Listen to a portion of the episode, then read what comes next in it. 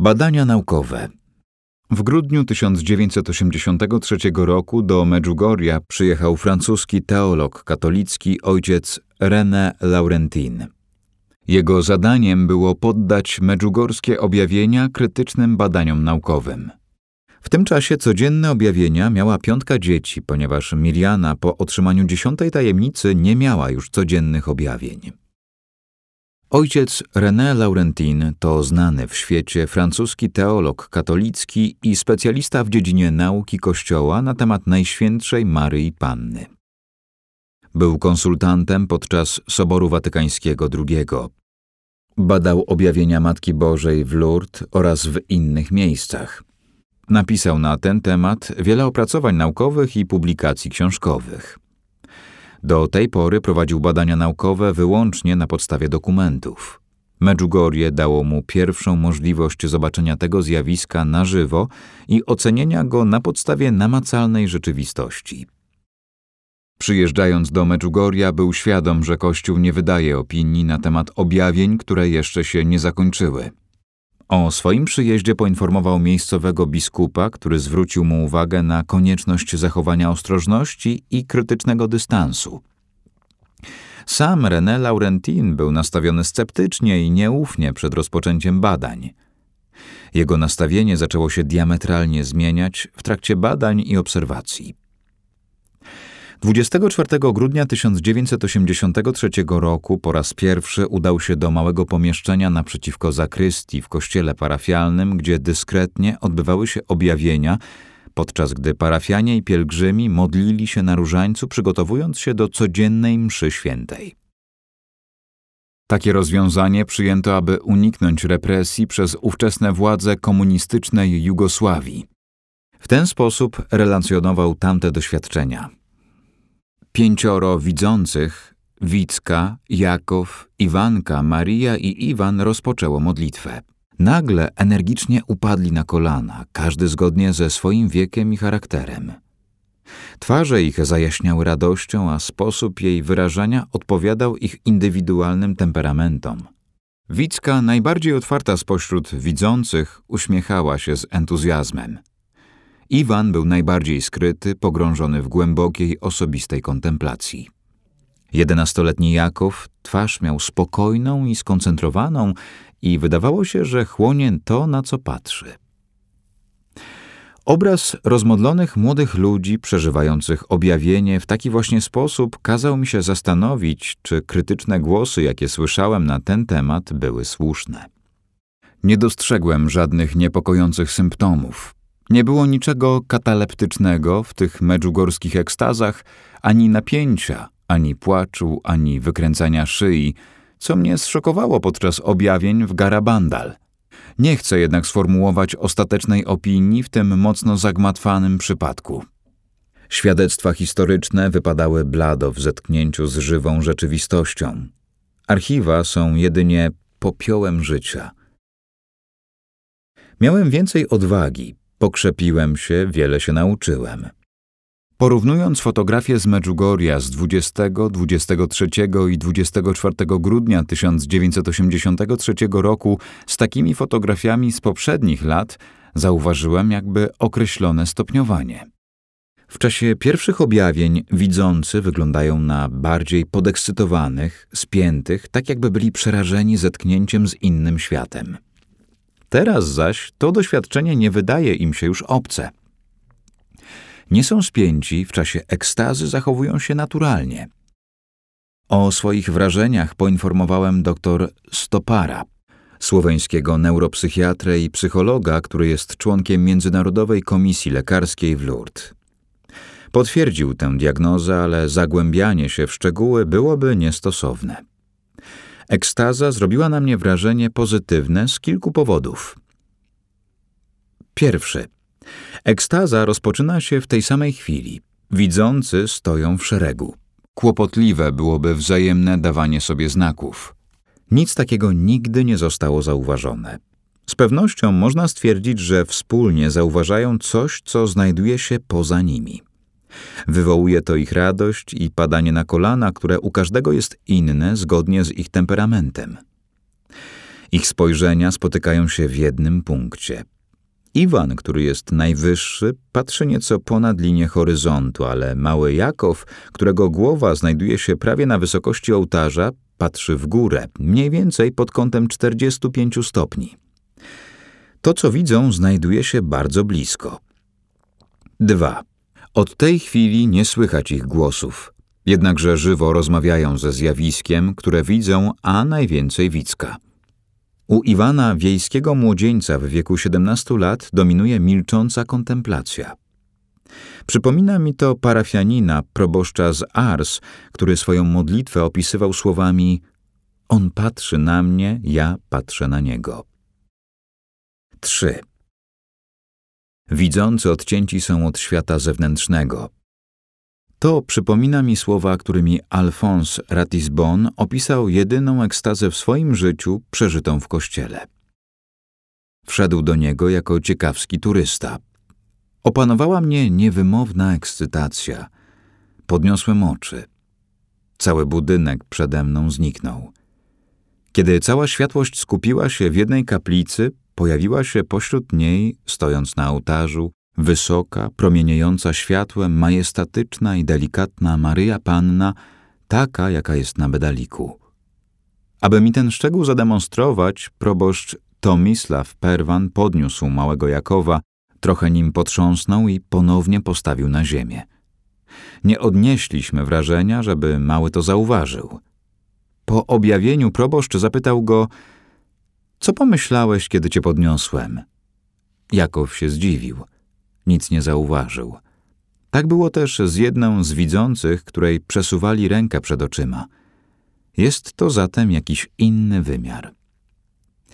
Kontakt z objawieniem uwarunkowany jest przerwaniem kontaktu ze światem zewnętrznym. Sprawcza pustka przygotowuje włączenie tajemniczej informacji, której bez wątpienia nie może odkryć żadne narzędzie naukowe.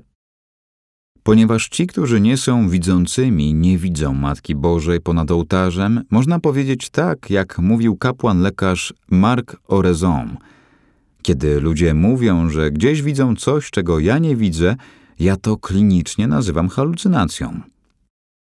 Takie rozumowanie oznaczałoby jednak, moim zdaniem, zbyt wielkie uproszczenie problemu poznania i prowadziło do zignorowania niezwykłości tego zjawiska. Zasługuje zaś ono z wielu powodów zatrzymanie reakcji zmysłów, lekkie przyspieszenie oddechu i bicia serca itd. Tak na bardziej złożoną analizę medyczną. Powstaje jednak pytanie, czy takie badanie nie zakłóciłoby atmosfery samego objawienia.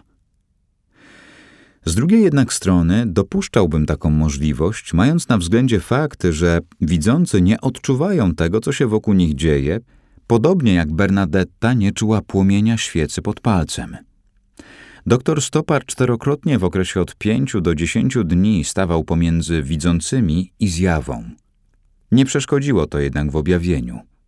Zauważyli oni jedynie specyficzną mgłę pomiędzy sobą a Matką Bożą. 4. Widzący mówią wyraźnie, że widzą Matkę Bożą jako rzeczywistą osobę, bardziej rzeczywistą aniżeli otaczające ich osoby. Mówią, możemy jej dotknąć. W swojej książce wyjaśniam powody, dla których akceptuję to, co mówią. Matka Boża, gdy się objawia, nie ląduje niczym statek kosmiczny z jakiejś planety. Nie podejmuje podróżowania w przestrzeni. Nie pochodzi z naszego świata, ale z chwały, gdzie jest Bóg. Oddalenie pomiędzy nami a jej uwielbionym ciałem to nie przestrzeń, tylko czas. Żyjemy w czasie rządzącym się prawami następujących po sobie zdarzeń. Maryja jest zaś w wieczności, poza czasem i trwa w Bożej teraźniejszości. Tak więc nasze trwanie włączone jest w Bożą teraźniejszość i Maryja może się w niej objawić, ale w formie niezasłużonego, tajemniczego daru. Uważam, że obraz objawień nie powstaje na siatkówce w oku osoby widzącej, tak jak nie powstaje i w moim oku. To jednakże nie oznacza, że objawienie nie może być obiektywne. Należy zrozumieć, że wszelkie postrzeganie, nawet to najbardziej zwyczajne, włącza określone subiektywne zetknięcie z obiektem. Jeśli widzę zielone drzewo, To jest tak dlatego, że jego liście wysyłają drgania, bezbarwne drgania określone długością fal świetlnych, które dotykają mojej siatkówki, a impuls nerwowy, fizyczno-chemiczny typ elektrycznego, przenosi tę informację do ośrodka wzroku w mózgu. Tu następuje odszyfrowanie przyjętego znaku. Widzę drzewo jako zielone. Złożone środki postrzegania, impulsy nerwowe, drgania, wszystko bezbarwne, są jedynie częścią mojego poznania, które jest w gruncie rzeczy obiektywne. Otaczającej rzeczywistości doświadczamy w kolorach, za wyjątkiem choroby wzroku zwanej daltonizmem. Zetknięcie się zmysłów z materią nie jest zatem jedyną możliwością rzeczywistego poznania. Chrystus lub Maryja mogą się nam pokazać w sposób, który nie jest mniej rzeczywisty, jest nawet o wiele bardziej rzeczywisty, jak zauważają to sami widzący. Kolejne badania były przeprowadzone w 1985 i 2005 roku przez zespół specjalistów pod kierownictwem profesora Henri Joueillou. Profesor Henri Joueillou jest chirurgiem i onkologiem, profesorem Akademii Medycznej w Montpellier we Francji, która jest najstarszą działającą bez przerw szkołą medyczną w Europie.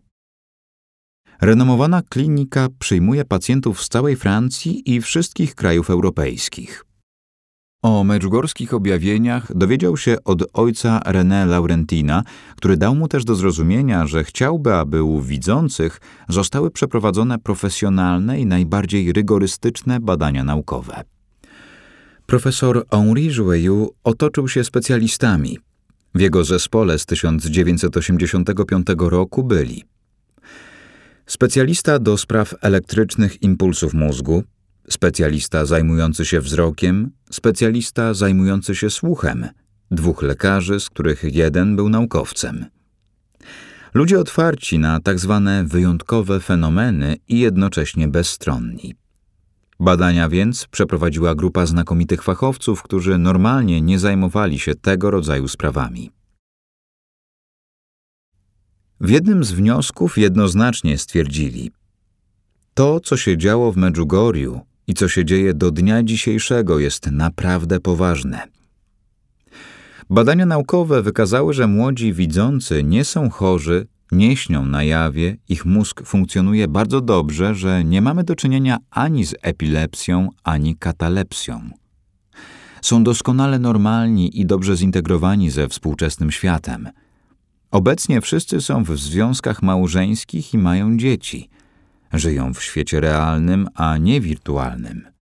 Są zdrowi na ciele i duszy, co jest kluczowe, a to, co robią, nie jest podyktowane chęcią zakpienia z ludzi, którzy licznie przyjeżdżają do Medjugorja. Profesor Henri nazywa Medjugorje miejscem, które emanuje szczególną atmosferą duchowości, pokoju, uspokojenia, jakiego nigdy i nigdzie wcześniej nie widziałem. W 2005 roku do Medjugorja wraz z profesorem przyjechała ekipa posiadająca supernowoczesny i profesjonalny sprzęt do nagrywania i badania. Nagrano dużą liczbę objawień i kilku specjalistów bardzo dokładnie analizowało zbieżności widzących w czasie tzw. Tak ekstazy. Badano dwoje widzących, Marię Pawlowicz i Iwana Dragiciewicza, przed, w czasie i po stanie ekstazy. Ekipa profesora Joueju, tak jak później ekipa austriacka i włoska, wykonała najbardziej dokładne testy psychologiczne. Jednogłośnym wnioskiem orzeczono, że wszyscy młodzi widzący, którzy w ciągu 20 lat stali się dorosłymi ludźmi, są zdrowi zarówno pod względem fizycznym, jak i psychicznym, zarówno w życiu prywatnym, jak i społecznym. Można powiedzieć, że są zdrowsi od przeciętnej we Francji. Profesor Henri Joueillou, podejmując się przeprowadzenia badań na widzących, był przekonany, że odkryje oszustwo. Badania całkowicie odmieniły jego spojrzenie na objawienia mające tam miejsce do dziś. Powiedział: Osobiście jestem przekonany, że w Medjugorju dzieją się ważne rzeczy. Wiele osób zachęciłem do tego, by pojechały do Medjugorja. Zdrowych i chorych, wierzących i niewierzących, bardzo sceptycznych zakonników, naukowców i nienaukowców, młodych szukających drogi i narkomanów. Wszyscy wrócili dotknięci przez to miejsce i atmosferę, którą emanuje. Wielu o tym mówiło, dawało świadectwo, a inni w dyskrecji zachowywali przeżycie dla siebie, w skrytości serca zachowali to, co tam przyjęli. Pojedźcie tam, a nie będziecie rozczarowani. Wasze serce będzie wdzięczne, a wasi bliscy to odczują.